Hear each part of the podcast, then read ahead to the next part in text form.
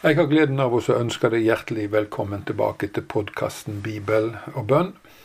Mitt navn er Jens Thoresen, jeg er pastor i Kristkirka på Stord, og du er hjertelig velkommen på gudstjeneste i Bjellandsveien 54 den 14. Eh, januar klokka 12. Og da vil du få høre forkynnelse fra Kolossabrevet kapittel 2 vers 6-7, der det handler om det kristne livet. I dag så er det Salme 119, vers 161-165, og vi ber deg, gode Gud, om at du gir oss din hellige andes lys over ordet i kveld, i Jesu Kristi navn. Amen. Vi leser slik i Jesu navn. Stormenn jager meg uten grunn, men i hjertet frykter jeg ditt ord. Jeg gleder meg over ditt ord, lik en som vinner stort krigsbytte. Jeg hater og avskyr løgn, men jeg elsker de lov. Sju ganger om dagen lovsynger jeg deg for dine rettferdige lover. Stor fred har de som elsker de lov. Ingenting får de til å snuble. Salmisten blir jaga av stormenn, menn med stor makt og innflytelse.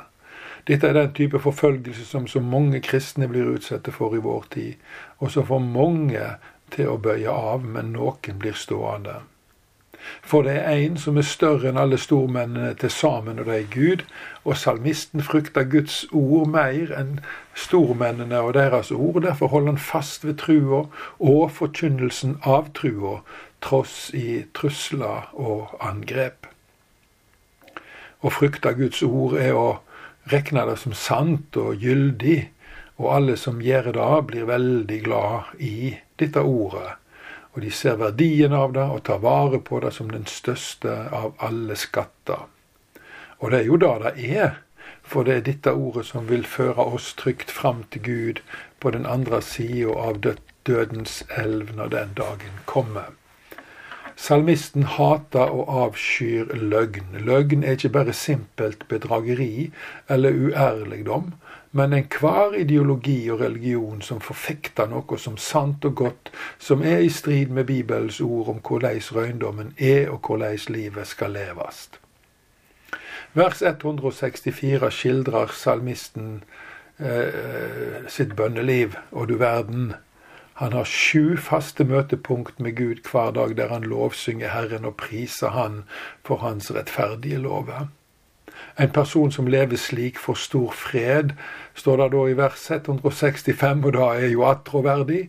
Og han eller hun blir selvsagt veldig prega av Gud.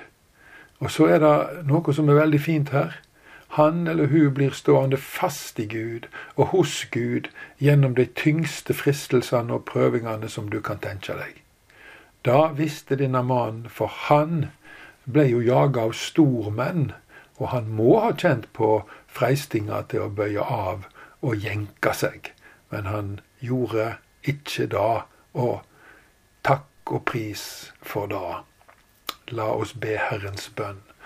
Vår Fader vår, du som er i himmelen. Lat navnet ditt helgas, lat riket ditt komme. Lat viljen din råde på jorda så som i himmelen. Gi oss i dag vårt daglige brød og forlat oss vår skyld, som vi òg forlet våre skyldmenn. Og før oss ikke ut i freisting, men frels oss fra det vonde. For riket er ditt, og makta og æra, i all eva. Må Herren velsigne deg og bevare deg. Må Han la sitt ansikt lyse over deg og være deg nådig. Må Herren løfte sitt åsyn på deg og gi deg fred. Og så takker jeg deg for at du tok deg tid til å lytte til Guds ord og delta i bønna. Jeg ønsker deg en god kveld og på gjenhør.